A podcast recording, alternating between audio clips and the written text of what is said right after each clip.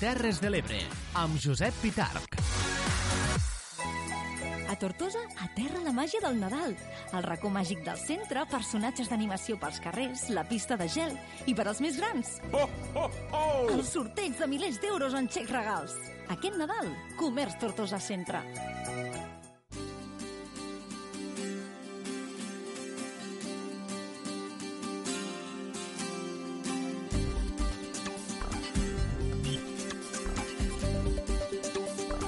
Dia, la tertúlia. 5 minuts ja sobre el punt de les eh, 3 de la tarda. Iniciem aquesta última hora del programa El Dia Terres de l'Ebre que vostès poden seguir a través de sis emissores municipals de ràdio de les nostres terres, concretament a través de la Plana Ràdio, de Ràdio Tortosa, de la Cala Ràdio, de Ràdio Joventut, de Ràdio Delta i d'Amposta Ràdio i iniciem, com deia, el Cafè de la Tarda, aquest espai de tertúlia que, a més a més de les citades emissores, també poden seguir a través de les pantalles del canal Terres de l'Ebre en una experiència molt novedosa al nostre territori, que és això de veure per la tele allò que també passa a la ràdio. Avui, en aquest espai, en aquest eh, temps de tertúlia, de debat, volem posar diverses qüestions d'actualitat damunt de la taula, bàsicament eh, qüestions, ja ho d'àmbit eh, social, podríem dir-ne, i per això disposem eh, als estudis de diferents emissores als nostres convidats. Per exemple, tenim els estudis de Ràdio Joventut a Masdenverge el senyor Toni Iniesta, que és exempleat de Banca. Toni, benvingut de nou, bona tarda. Bona tarda a tothom i, i en especial a tu, Josep, que feia dies que no coincidíem. Sí, no coincidíem en aquesta tertúlia, donat de que eh, sí que t'he vist i t'he escoltat eh, amb el nostre company Manel Ramon, que avui no, no pot acompanyar-nos.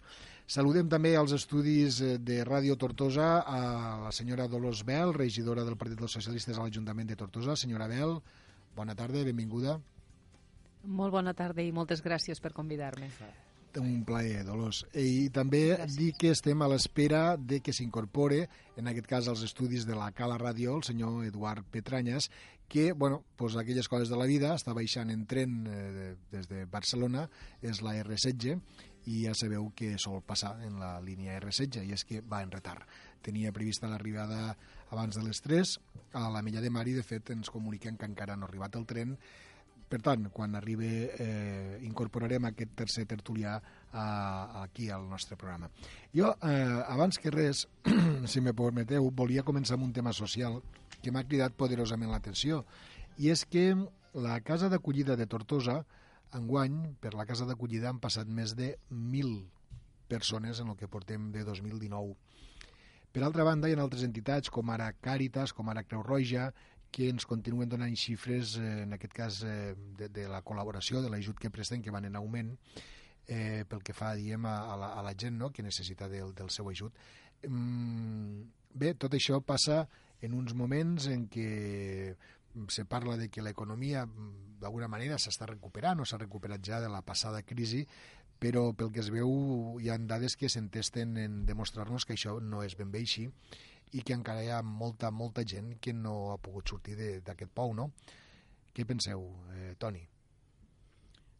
Bueno, primer que res, eh, el que voldria dir en aquests casos és que és molt loable i molt d'agrair eh, la tasca que fan una sèrie d'entitats.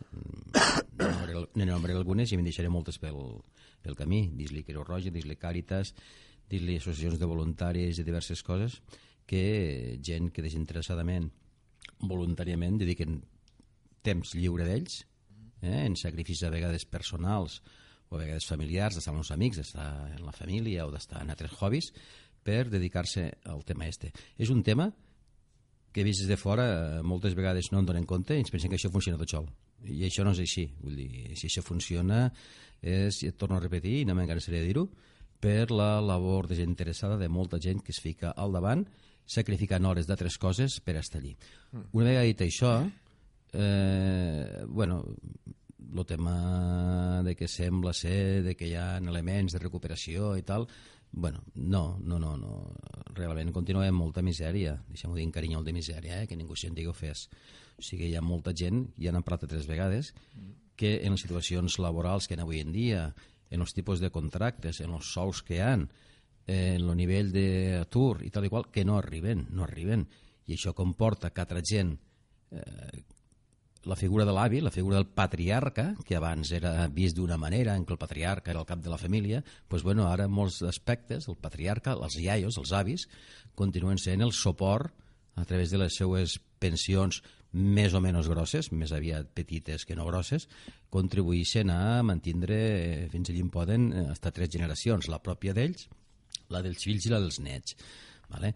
I gràcies, ditxosos, eh, qui puguin fer-ho, perquè si no ens trobem en una situació, tal com dius tu, de que cada vegada les xifres a nivell de centres d'acollida, de dinars socials, de càritas tal i qual, són més elevades. Mm. Dolors?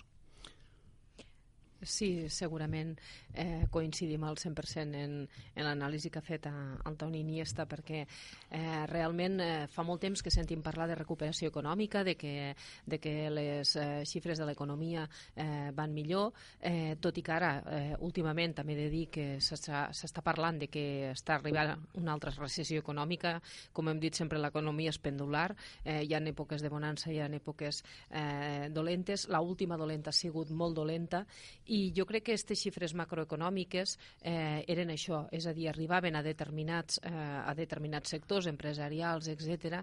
Eh, però jo crec que a la, a la gent de carrer, a la gent corrent, eh, a la gent que treballa i que, o que té un petit negoci i aixeca la persiana cada dia, no han arribat, eh, no han acabat d'arribar. I si venim d'una situació molt complicada i realment la, la, la, la gent del carrer no s'ha pogut acabar de recuperar i estem arribant en una altra, eh, jo crec que bueno, l'evidència és això, les, les xifres de persones que es veuen abocades a, a, a, haver, de, a haver de recurrir a, a entitats eh, socials que, com ha dit també el Toni, fan una feina eh, molt, molt lloable perquè segurament sense la seva ajuda i sense el seu suport eh, eh, no s'arribaria a on, a on s'arriba. I, i, I és veritat, eh, a més a més ell també ho ha comentat i, i, i això jo crec que des de determinats partits polítics i, i també dels del món sindical fa, fa molt temps que s'està dient eh, la figura dels, dels treballadors pobres, eh, molts treballadors i treballadores que es veuen abocats també a, a, haver de recurrir a ajuts d'entitats socials perquè directament no arriben a final de mes. Mm -hmm. eh, I això és molt trist, és a dir, tenint un lloc de treball, tenint una feina i no poden arribar a final de mes per, eh, per, perquè no poden pagar lloguer o pagar casa o pagar rebuts i al mateix temps omplir la, la cistella de la compra. Per tant, eh, jo crec que com a societat això ens ho hem de, mos ho hem de fer mirar eh, i hem de mirar de veure com podem revertir aquestes situacions i com podem canviar les coses perquè la gent eh, tingui una, una vida mínimament, mínimament digna i, això, i a tot això també afegir eh, que a, a entitats com Creu Roja, etc., eh, també hi arriben eh, molta gent, eh, molts immigrants, gent que, que ve de fora, eh, per situacions eh, molt complicades, situacions desesperades als seus països d'origen i que arriben aquí i, i jo crec que de vegades també s'ajunta això eh, al desarrelament. Eh, als llocs petits, als pobles petits, a les comunitats petites, és més complicat que una persona arribi a, a, a necessitar o haver d'abocar-se als ajuts d'entitats socials perquè al final la petita comunitat, la família que formen, d'uns als altres se van, se van ajudant, però hi ha molta gent que en aquestes situacions a sobre s'hi ha d'afegir eh, la situació del desarrelament eh, social, familiar, no tenen a ningú, no tenen una comunitat eh, que els pugui acollir i per tant eh, jo crec que també eh, són alguns dels que fan augmentar aquestes eh, xifres de, de, de persones que necessiten de, dels ajuts socials. Uh, a propòsit de les paraules que vosaltres esteu dient, me venen al cap ara dos coses, no? Que hem llegit als mitjans darrerament. La primera és que, eh, me sembla que publicava La Vanguardia, que els joves que es volen independitzar han de destinar aproximadament el 95% del seu sou en això, a independitzar-se. És a dir, eh, a pagar el lloguer o la hipoteca, el subministrament d'energia, de llum, d'aigua, eh, en fi, tot això, no? i que només disposarien d'un 6%. Per tant, estem parlant, evidentment, tant del, del, del nivell de vida com també, sobretot, dels baixos sous, eh, per una banda. Per això arriba en un moment en què, no sé si l'heu seguit, hi ha certa polèmica perquè alguns mitjans i algun opinador, per exemple, eh, la coneguda Pilar Rahola, mm, dia, eh, me sembla que ahir o abans d'ahir, que els que cobren 6.000 euros al mes són, se poden considerar d'alguna manera classe mitjana, mitjana baixa per a, i que pateixen eh, per arribar a final de mes. Eh, jo no sé com està el nivell de, dels sous, però 6.000 euros al mes, eh, déu-n'hi-do. Sí, la veritat és que fa, fa, eh, no fa riure.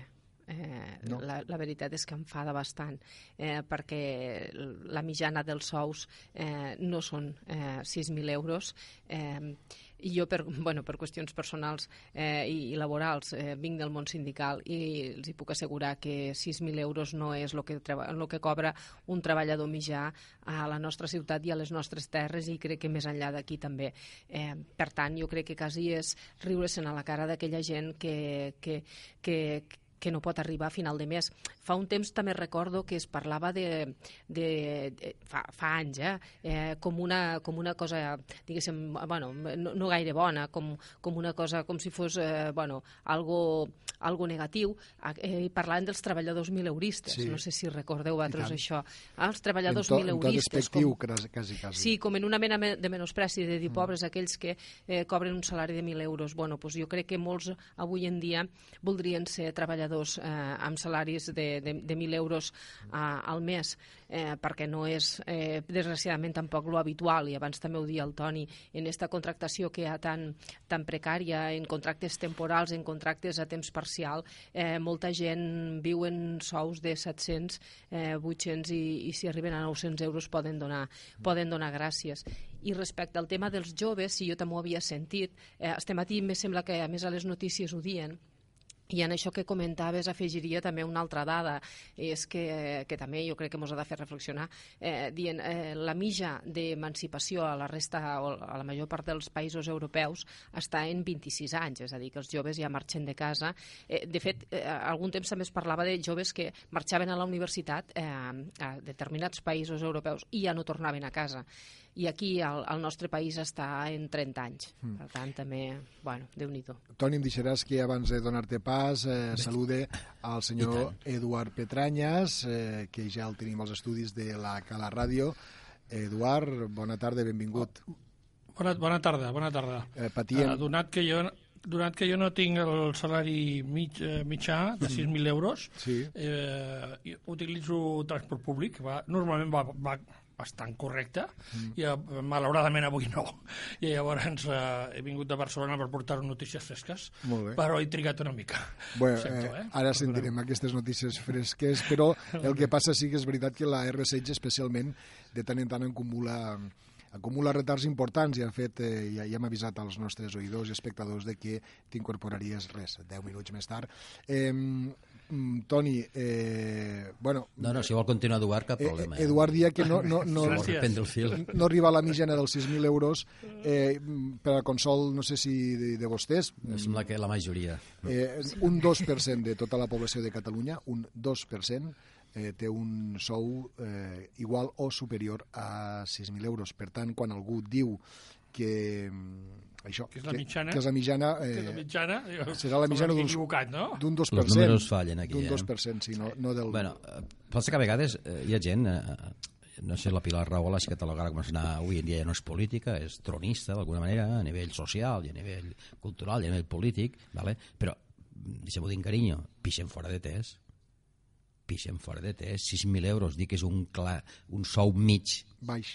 Avui en dia Mig baix. és que és fotre-se'n a, la, és fotre a la cara de la gent mm. és fotre a la cara de la gent que treballa 10 hores al dia cobren 900 euros i en contactes precaris que el dia demà no cal que tornes o vine a treballar el diumenge que obrim que és Nadals o no sé què no? Vull dir, a mi realment aquestes coses m'indignen m'indignen molt, a veure, jo afortunadament en aquesta vida he treballat bastant, molts anys, he tingut un bon ofici però jo no guanyava això ni la meitat ni de calle, treballant 10 hores al dia, no? I em considerava un afortunat, eh, econòmicament o socialment parlant. Mm. Clar, 6.000 euros, clar... A, a vegades sembla que en el tema dels euros hem perdut la noció. 6.000 euros és l'equivalent a un milió de pessetes dels d'abans. Mm. O sigui, abans una persona guanyava un milió de pessetes, era milionari. Guanyava un milió al mes, estem parlant. Sí, al mes, al mes. suposo que 6.000 euros deu ser mensual, no deu ser anual, mm. el que diu aquesta dona Sí, sí, mensual, Clar. mensual. ja m'ho penso, no? Clar, un milió de pessetes al mes, clar, dius, hòstia, i això és un sueldo medio, ojalà, ojalà fos això, ojalà tingués raó, ojalà els sous fossin de 10 o 12.000 euros, o de 5.000 els més baixos, o de 4.000, ojalà 10, llavors sí que podria parlar que és el sueldo medio, però mentrestant, jo crec que es foten de la gent, o bé, o bé, eh, pensar que la gent que l'escolten són uns ignorants. No li veig altra explicació. Eduard, bueno, eh, jo volia portar alguna cosa positiva, eh? Sí, Puc? encantats. El vostre permís. Mira, és que jo eh, venia repassant la premsa i, i m'he trobat que el diari de Tarragona d'avui, quan parla de l'Ebre, mm. parla de, en positiu, que normalment mm, li costa una miqueta. Sí. Avui parla de positiu perquè parla dels, dels pressupostos de l'Ajuntament de l'Amposta, d'Amposta, eh, que jo personalment crec que ho fan força bé. Eh, M'ha sorprès una miqueta la diferència de pressupost eh, tenint en compte tota la despesa acumulada de l'hospital i del museu. Eh, L'Ajuntament d'Amposta eh, té pressupost de 48 milions i la URB, en la mateixa pàgina o la següent, parla d'un pressupost de 108. Eh, m'ha- M'ha sobtat i crec que hi ha una certa desproporció respecte de la inversió que es fa en educació, que és, que és molt important, eh? no tinc cap mena de dubte, i el pressupost que té un ajuntament com el d'Amposta. Mm. Però bueno, tot i així, doncs, eh, escolta, amb, amb aquests impostos que protestem a través de Mora, que penso que un dels problemes que tenim ara amb, amb la qüestió de les, de les herències i similars són els, eh, els impostos municipals, que continuen sent gra molt gravosos, doncs amb tot això eh, podem gestionar o podem ajudar o podem pressionar a que Costes ens posi una mica de sorra a la illa de Buda. Però la notícia més important és una altra per mi. Eh, eh, que estic eh, absolutament satisfet i que vull transmetre.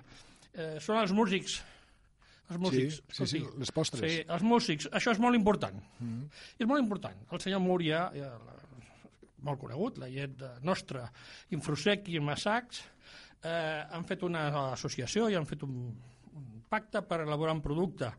Un dels molts, molts productes que el territori té eh, pioner i de primer nivell. Mm. I escolti, fa- faig un repasset. Eh, el territori té eh, productes impressionants com l'oli, mandarines, muscles, els crustacis, els llagostins, les galeres, el peix de la tonyina, el viram, especialment el- l'ànec mm. i el licor d'arròs. Tot mm, sensacional, però eh, haig de dir una cosa. La major part desconegut, per descomptat a Barcelona. Desconegut, desconegut a Barcelona, desconegut a Saragossa, a València i a Madrid. I mm, m'agrada que surtin productes, però ja l'he enviat una noteta als músics perquè vinguin a tocar música, vagin a tocar música a, als territoris consumidors, que exportem. Nosaltres hem d'exportar. Portar vol dir, més enllà del coll de Balaguer, hem de portar els nostres productes per portar-nos eh, el recurs corresponent perquè el nostre territori sigui ric. Eh, encoratjo a que eh, es vagi per aquesta via de fer productes d'aquest nivell, els felicito i, eh, escolti, que posin les mans a, a veure si el delegat del govern eh, i els presidents dels consells comarcals comencen a pensar, comencen a pensar que s'ha de vendre. El primer que s'ha de fer és vendre per tindre recursos i després destinar a arreglar les dents, que em sembla molt bé, eh? Lo de l'odontologia em sembla mm, absolutament genial.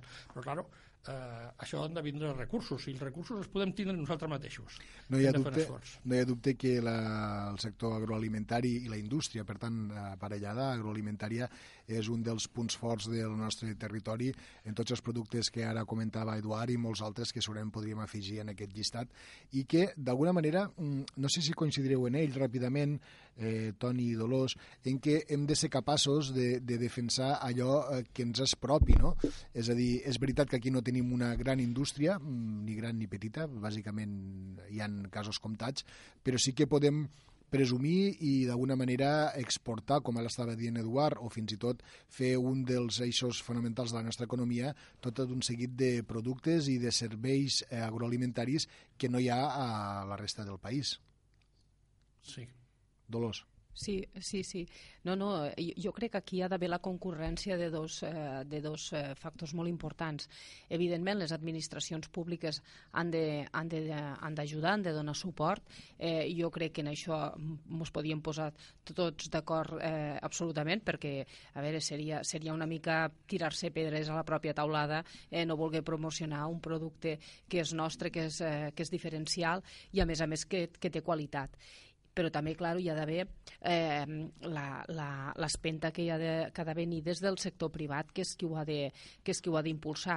Jo crec que tenim un exemple molt bo en aquest sentit, eh, pel que dia l'Eduard, quan, quan, bueno, quan, quan feia una mica el llistat de productes mm. eh, d'aquí, del nostre territori, de les Terres de l'Ebre, i és, per exemple, el que ha passat en el tema del, del vi a la Terra Alta. Mm. Eh, ho dic sí. perquè el, el vi a la Terra Alta, jo recordo, bueno, quan era més joveneta i era més petita, era un vi de consum, bueno, el, el vi de, de la Terra Alta era un vi de consum, eh, diguéssim, Corrent, sí. habitual i diari, però d'una qualitat, pues, pues, bueno, normaleta, és a dir, era mm. un vi per a consumir a casa, el vi, que es venia a les bodegues. Eh? El vi que diem a granel. El, molt bé, el que diem, el vi, el vi a granel, que anaves a buscar en la garrafa, per, dir, bueno, per posar un exemple que ens entenguem.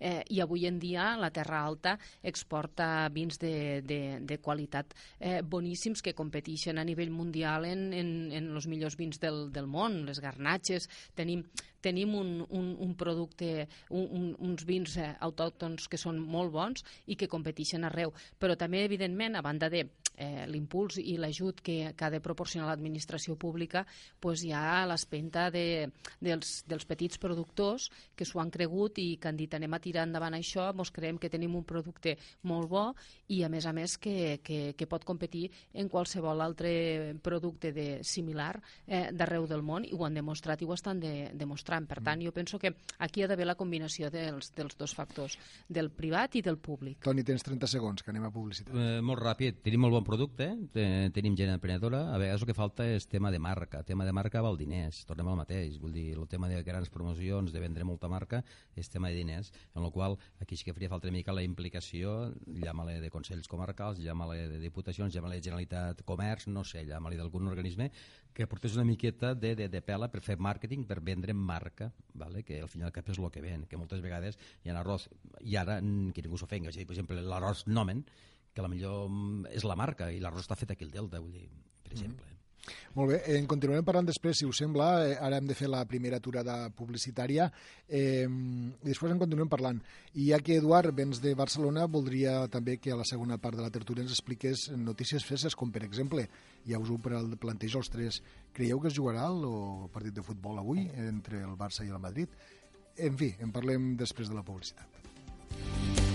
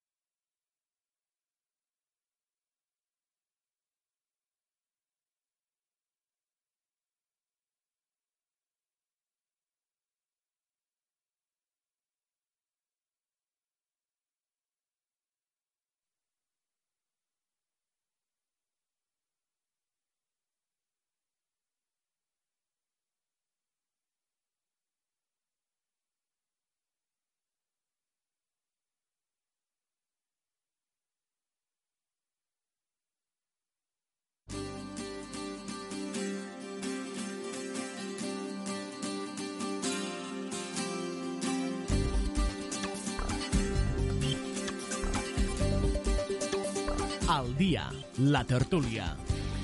Els tornem a donar la benvinguda en aquesta segona part del Cafè de la Tarda, aquesta tertúlia a través de les sis emissores municipals de ràdio i també de Canal eh, Terres de l'Ebre de televisió. Una tertúlia, ja veu, en multimèdia. Eh? També la poden seguir a través de diferents plataformes digitals, com ara, per exemple, deltacat.cat. Eh, dia que avui estem parlant amb el senyor Eduard Petranyes, assessor d'empreses, també d'entitats, amb el senyor Toni Iniesta, que és empleat de banca, i amb la senyora Dolors Bel, regidora del PSC a l'Ajuntament de Tortosa. Eh, jo els feia una pregunta als tres, si creien que es jugaria mm, el partit Barça-Madrid atesa la convocatòria que ha fet Tsunami Democràtic. Mireu, eh, ara mateix els mitjans en les seues edicions digitals destaquen, per exemple, que Tsunami crida a portar pilotes inflables al Camp Nou, els Mossos blinden l'Hotel Sofia i els voltants del camp i també han tallat l'Avinguda Joan 23. Tot i això, Tsunami Democràtic reitera que la seva acció, com totes les que ha fet, s'ha marcat dins de la no violència.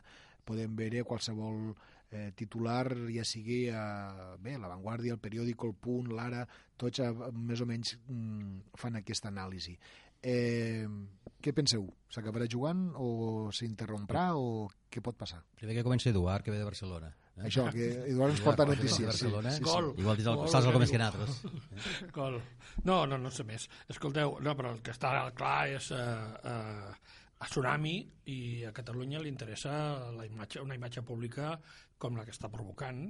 Això és, eh, és el 9 de setembre, és, és una diada, és una festa, és una demostració i, per tant, eh, ha de ser no violenta i, i si és violenta no serà provocada per la gent catalana, així de simple. Eh, no serà violenta i el que eh, necessiten, que ja ho han aconseguit en, en gran part, és que les mitjans de comunicació, sobretot estrangers, eh, que tenen, estem parlant de, de mil milions d'espectadors o no sé, unes bestialitats eh, tremendes, doncs tots aquests eh, posin un apunt eh, del, del que està passant a Catalunya.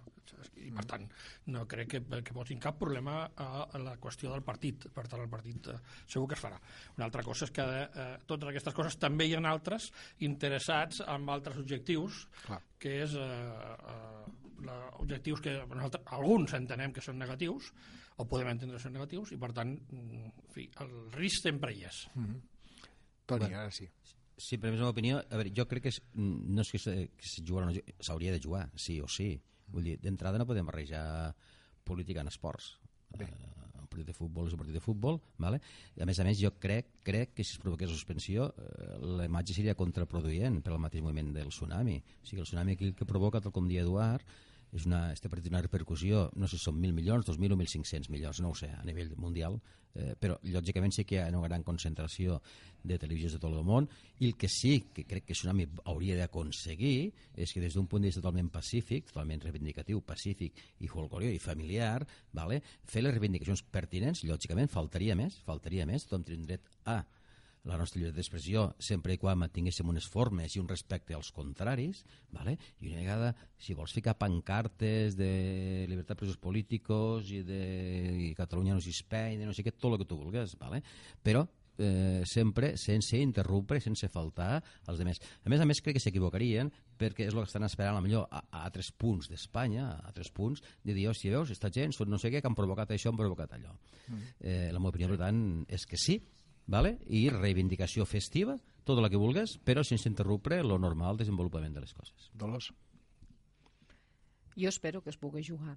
A mi m'agradaria pensar que no hi haurà cap eh, problema perquè es pugui jugar un Barça-Madrid, perquè això entra en la normalitat esportiva de, de més un, un partit eh, que sempre té molta repercussió perquè bueno, un Barça-Madrid pues és un Barça-Madrid. Eh, eh, a partir d'aquí, eh, jo evidentment eh, respecto, com no podria ser d'altra manera, les manifestacions eh, que tothom eh, legal i pacíficament eh, vulguen fer, faltaria més, és a dir, tothom que demana permís o fa una comunicació en este este, en este sentit no, no demana permís, sinó fa una comunicació per manifestar-se, eh, pues, ha, de tenir, ha de tenir la possibilitat de fer-ho i és legítim, cadascú defensa les, les seues idees i per tant això no hauria de, no hauria de poder eh, eh, interrompre eh, una, una festa esportiva com és un, un, un Barça-Madrid i també eh, s'hauria de poder respectar a tota la gent que vol, que vol accedir al, al, al camp de, de futbol per participar del, del, o per veure, eh, per veure el partit. Mm. A partir d'aquí, Home, eh, clar, hi ha, me sembla que era l'Eduard que dia hi ha riscos, clar, sempre hi ha riscos perquè eh, quan tu convoques una manifestació i més eh, en este sentit d'esta envergadura, eh, en, un, en un dia tan, tan, tan senyalat com és el Barça-Madrid, també evidentment per això es fa, perquè és un Barça-Madrid, eh, el que pot passar és que tu vulguis fer una manifestació de caràcter pacífic i algú es vulgui afegir a la festa eh, no en tantes eh, ganes de pacifisme com les, que, com les que tu tens. I llavors és quan venen els problemes. Per tant, jo el que, el que expresso és un desig, el desig de que qui es vulgui manifestar ho pugui fer d'una manera pacífica, tranquil·la, que, que, no, in, que no impedís que, que el que vulgui accedir al, al, al camp de futbol ho pugui fer per haver un, un, un partit de futbol que vol veure i, per tant, des del respecte, eh, cadascú pugui fer el que cregui que hagi de fer Eh, ja dic, el que passa és que a vegades aquestes eh, coses eh, se poden descontrolar. Jo espero que, que això tampoc no, no, no passe. Mm. I no penso que a ningú li agradaria veure que hi ha, eh, que hi ha batalles campals, perquè al final ja ho hem vist massa, massa vegades últimament a la tele en tot els fets que van passar, sobretot a Barcelona, però també a altres capitals de, catalanes, i per tant jo crec que això a ningú li, ha, li agradaria. Jo vull pensar que a ningú li agradaria. Per tant, en tot cas, en, en 23 minuts aproximadament comença aquesta convocatòria de Tsunami i el partit a les 8 i verem, verem com, com es desenvolupa tot plegat. Jo mm, volia afegir un tema damunt de, de la taula per a tots tres. Eh, seré una miqueta llarg perquè vos vull llegir eh, literalment unes declaracions. Vull parlar de la ultradreta a Brasil, eh, perquè sembla que té la intenció una mica de modelar la societat d'aquell país, d'aquell gran país, una mica a, a imatge i semblança de les lectures bíbliques. Eh, vos explico. Mm, l'última ocurrència eh, ha estat satanitzar un estil de música concret, que és el rock and roll.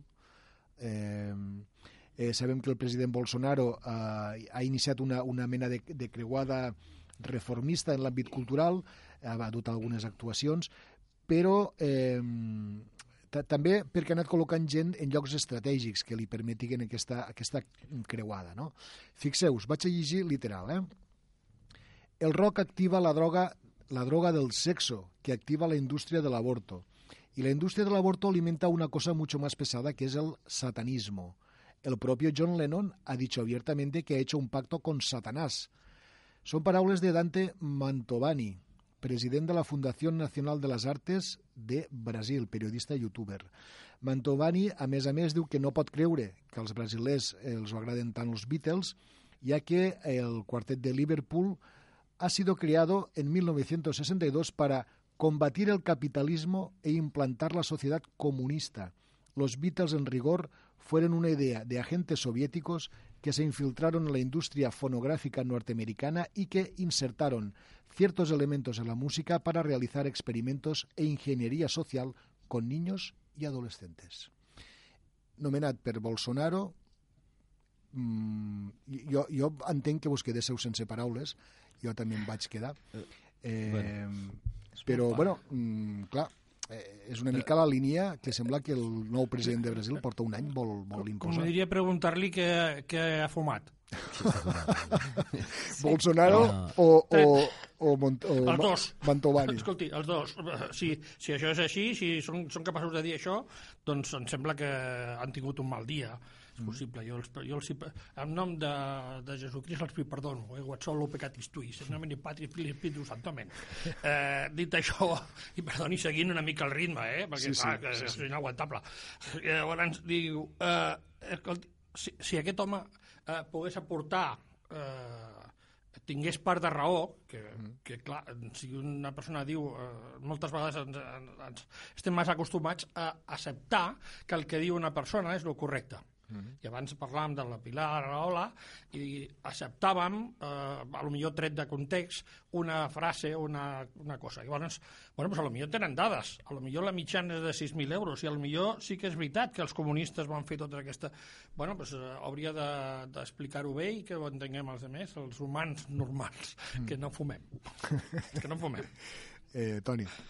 Bueno, totalment fora de lloc, però és que avui en dia la meva dona va dir una frase fa temps jo dic, i, i té raó, diu, avui en dia lo normal no existe. O sigui, ja, ja, ja han perdut... No, és veritat, o sigui, és que és normal avui en dia. Eh? Sí.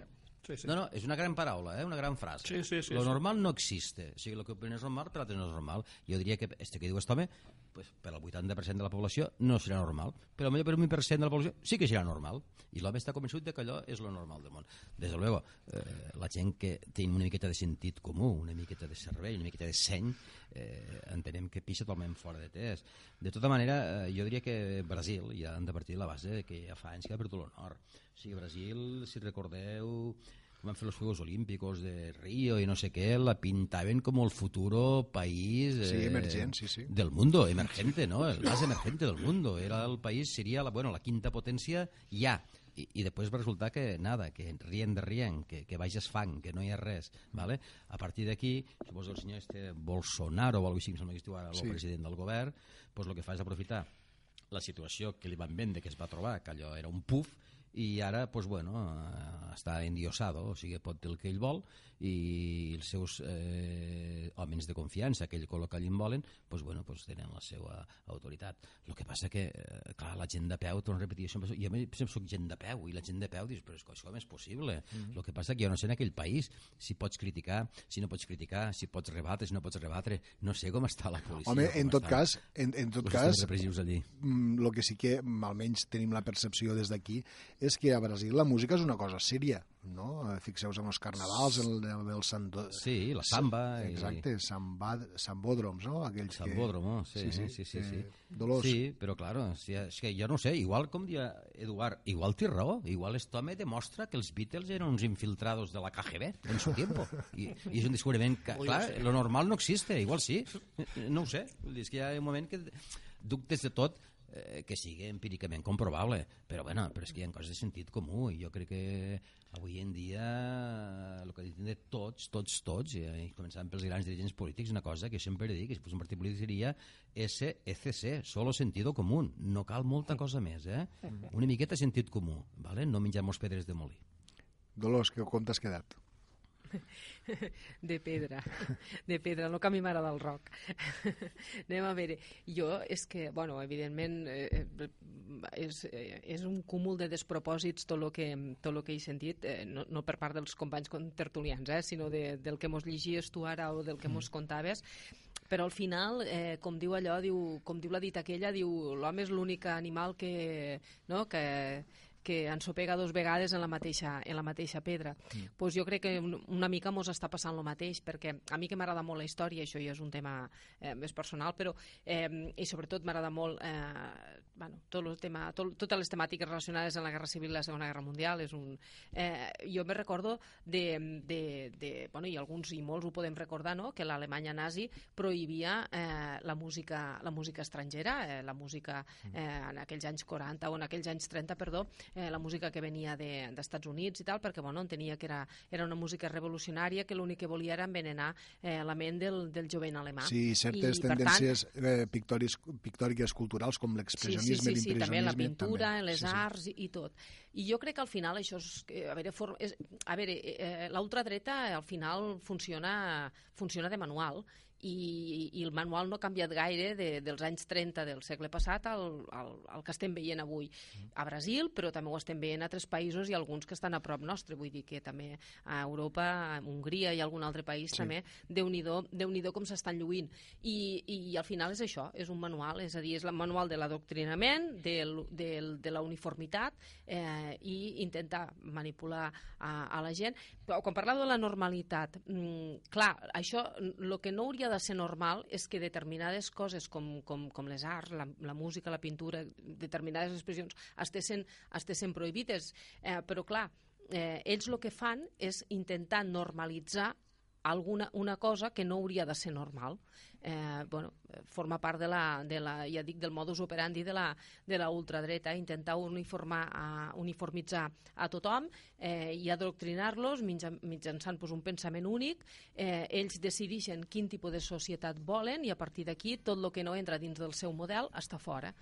I, la veritat és que, és que. Mm, eh, anomenaves Hongria, eh, Orban, eh, podien passar per la Itàlia de Salvini, mm, que ara ja està una Sí. mica... Una Les mica... idees de la França de Le Pen, Eh, o vull dir, la Turquia d'Erdogan, o fins i tot, si, si voleu, I ara comencem aquí a Espanya, eh? si voleu anar als Estats Units també per acabar lo, lo periple, no? Sí. Um, Donald Trump, que per cert, me sembla que avui s'ha de fer la, el dictamen, la sentència de l'impeachment, i ell eh, l'únic que ha pogut dir és que ha tingut un judici, perquè segur que l'impeachment en realitat és com una mena de judici, molt judici poc, polític, diuen. molt poc just i que ha sigut una veritable cacera de bruixes. Eh? És el que ha dit eh, Donald Trump, que per altra banda també, també aquí eh, el que sí que volia comentar és que aquí moltes vegades nos, nos poden sorprendre segons quins comentaris, segons quines declaracions, segons quines actituds, però jo estic convençut, i ho dic a títol personal, de que si avui hi haguessin eleccions als Estats Units, Donald Trump, en tot el que nosaltres des d'aquí opinem, igual tornava a guanyar les eleccions, Eduard. Sí, sí, no tinc cap mena de dubte, eh? Per, perquè, clar, és que la, la, el discurs eh, quan estan les societats una mica esvalutades eh, i nosaltres crec que el món em sembla que no està en lo normal, no existeix, me l'apunto, aquesta frase m'agrada, eh, eh, produeix un problema, i és que el totalitari eh, té avantatge. El liberal o el pactista o el, el socialista eh, té més dificultats, perquè és, eh, un és excloent i l'altre és incloent. Llavors, eh, per un totalitari, els altres no compten, i els altres els, els ha de carregar d'alguna forma. Aquest és el, el problema, perquè si no un estat socialista estaria un estat comunista, fins i tot la, tots els eh, filòsofs eh, plantegen qüestions que són molt interessants. El que passa és que, clar, mm, l'exclusió de la resta de societat és un, un gran problema. El que passa, i en aquest moment aquest discurs funciona, la gent s'apunta a això. I, per tant, és fàcil de que torni tornés a guanyar... Eh, bueno, el Brexit no deixa de ser exactament el mateix, eh? Això sí, anava a dir, el sí, cas sí. sí, recent tingut a Anglaterra fa dos dies, en les eleccions angleses. los, sí. los laboristes, los laboristes, molt. laboristes inglesos eh, han tret els pitjors resultats de l'any 1935. O sigui, el cas més paregut al del Trump, que jo li dic a, en este ros inglès, li dic el Trump 2, pel, mm. pel pentinat que té i per la manera de comportar-se una miqueta. Mini Com Trump. Johnson, no? Boris Johnson. Sí. Sí. sí diu, val, jo li dic el Trump 2 perquè sembla el Trump, però en el cabell més, més despentinat. Però és una miqueta com ell, o sigui, ven, ven una miqueta la imatge del tío autoritarisme, que primero su país, que hay que sacrificar a los de fuera que se jodan, no sé què, i això cala. Això està calant avui en dia a les societats estes, està calant. I la prova està en que si previen les eleccions eh, que tindrien problemes per eh, tindre la majoria absoluta i tenien que pactar i resulta que han arrasat, que han tret més bones eleccions o els altres més males que, que, que, que mai. Vull dir, d'alguna manera els discursos extremistes eh, avui en dia eh, per desgràcia per desgràcia, eh, siguin d'esquerra siguin de dreta, estan calant estan calant i això és preocupant, eh? Això és preocupant. Bueno, perquè en situacions complicades de, de crisi la gent se'n va cap als extrems i, i els totalitarismes eh, de- d'ultradreta triomfen perquè donen solucions fàcils a, a problemes complexos, eh, identifiquen un culpable i, i, a, i, i en aquell li carreguen tots els mals eh, aguts i, i per haver, i això ho han fet sempre i, i per tant dos discursos populistes que diuen no et preocupes, tu tens este problema i jo te'l puc solucionar d'esta manera i a més la gent quan, quan se, troba, se troba perduda perquè, bueno, pues perquè, eh, perquè, eh, perquè el sistema polític eh, que, que, que ha tingut o que té no li acaba de solucionar els problemes que té eh, al final busca, eh, busca una solució i, la, i s'arrima en aquell que li ofereix una, una sortida clara, siga la que sigui eh, eh, tu no tens feina perquè te la prenen els immigrants que venen de fora. Si no hi ha immigrants, tu tindràs feina. Ja està, hem comprat el discurs, ja ho tenim clar. Eh, jo no, tinc cap, eh, no li vull cap mal als de fora, però no els vull aquí perquè estos són els que mos prenen la feina. I, I així és com funcionen i així és com penetren dins del teixit social i la gent pues, compra el discurs.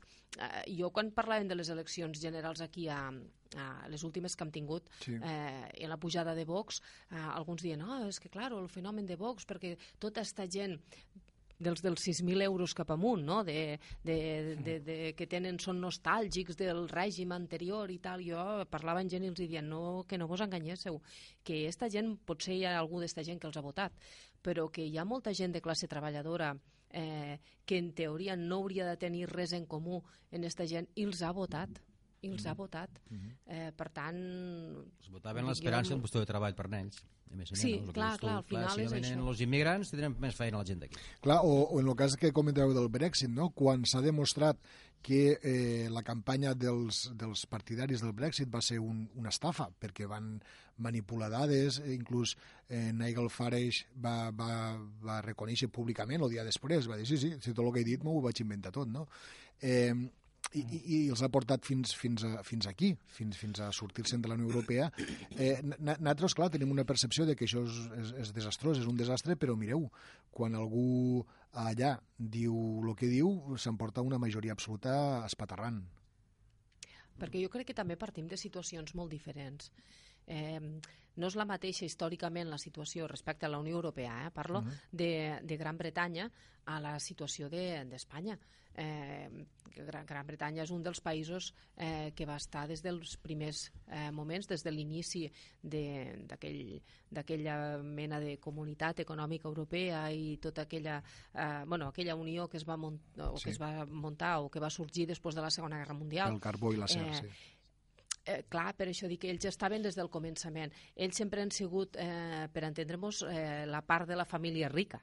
Eh, segurament la nostra percepció de la, de la, de la Unió Europea és diferent doncs perquè nosaltres mos hi vam afegir molt més tard, eh, evidentment perquè eh, en els primers anys eh, aquí hi havia una dictadura i no mos volien, és així, eh, i després mos va costar molt arribar, però al final eh, vam ser acceptats i, i nosaltres vam ser un país durant anys eh, perceptor d'ajuts, de, subvencions, bueno, encara en tenim, eh, perquè érem un país que necessitava desenvolupar-se perquè bueno, doncs veníem de- d'on veníem, veníem de- d'una llarga dictadura de 40 anys, d'uns anys d'autarquia econòmica, de, de, bueno, de, de molts problemes i per tant necessitàvem del seu ajut. Suposo que per a nosaltres la percepció de- d'esta Unió Europea és més positiva perquè hem sigut país eh, receptor durant molt temps, més que país, eh, diguéssim, eh, que proporciona i per a Gran Bretanya la visió és, és diferent. Diferent. Eh? I ha arribat un moment en què ha dit, escolta, m'ho hem cansat eh, i estem millor sols i nosaltres eh, ja crearem els nostres propis lligams comercials en qui ens interessa, segurament en Estats Units, que és,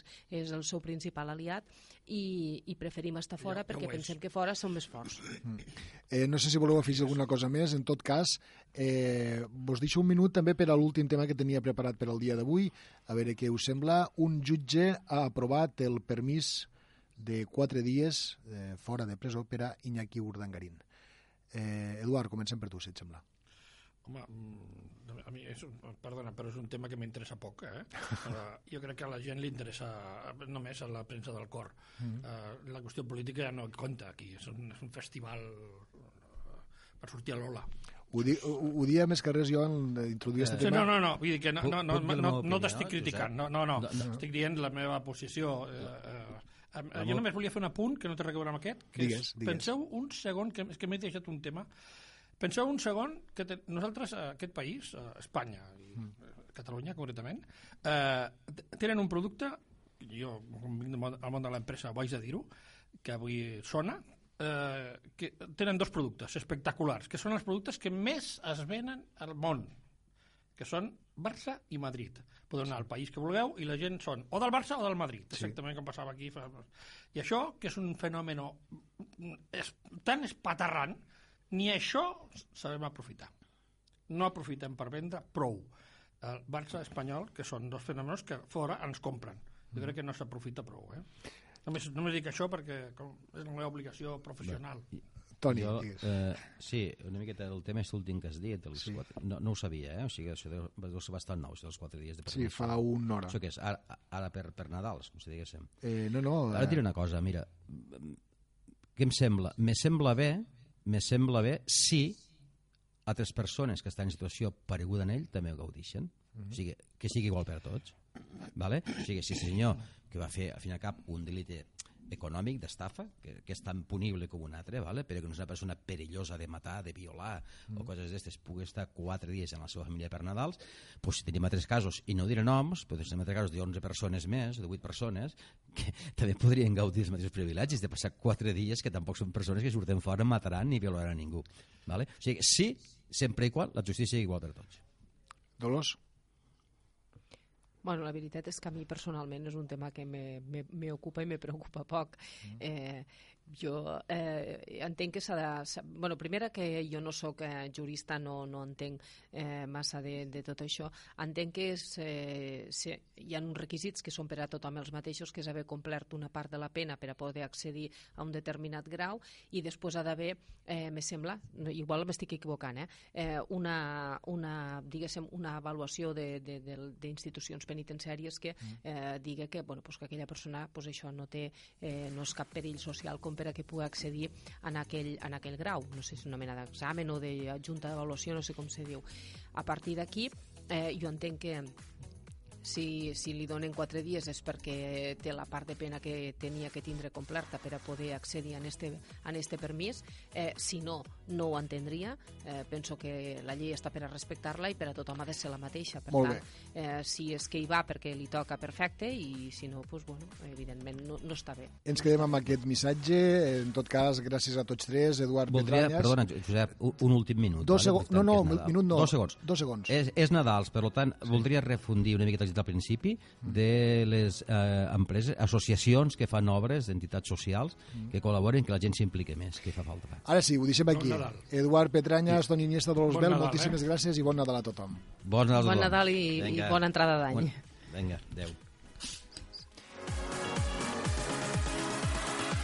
Bé, i a tots vostès només ens resta emplaçar-los demà a partir de la una iniciarem un nou programa al dia Terres de l'Ebre i ja saben, a partir de les 3 la tertúlia, el cafè de la tarda.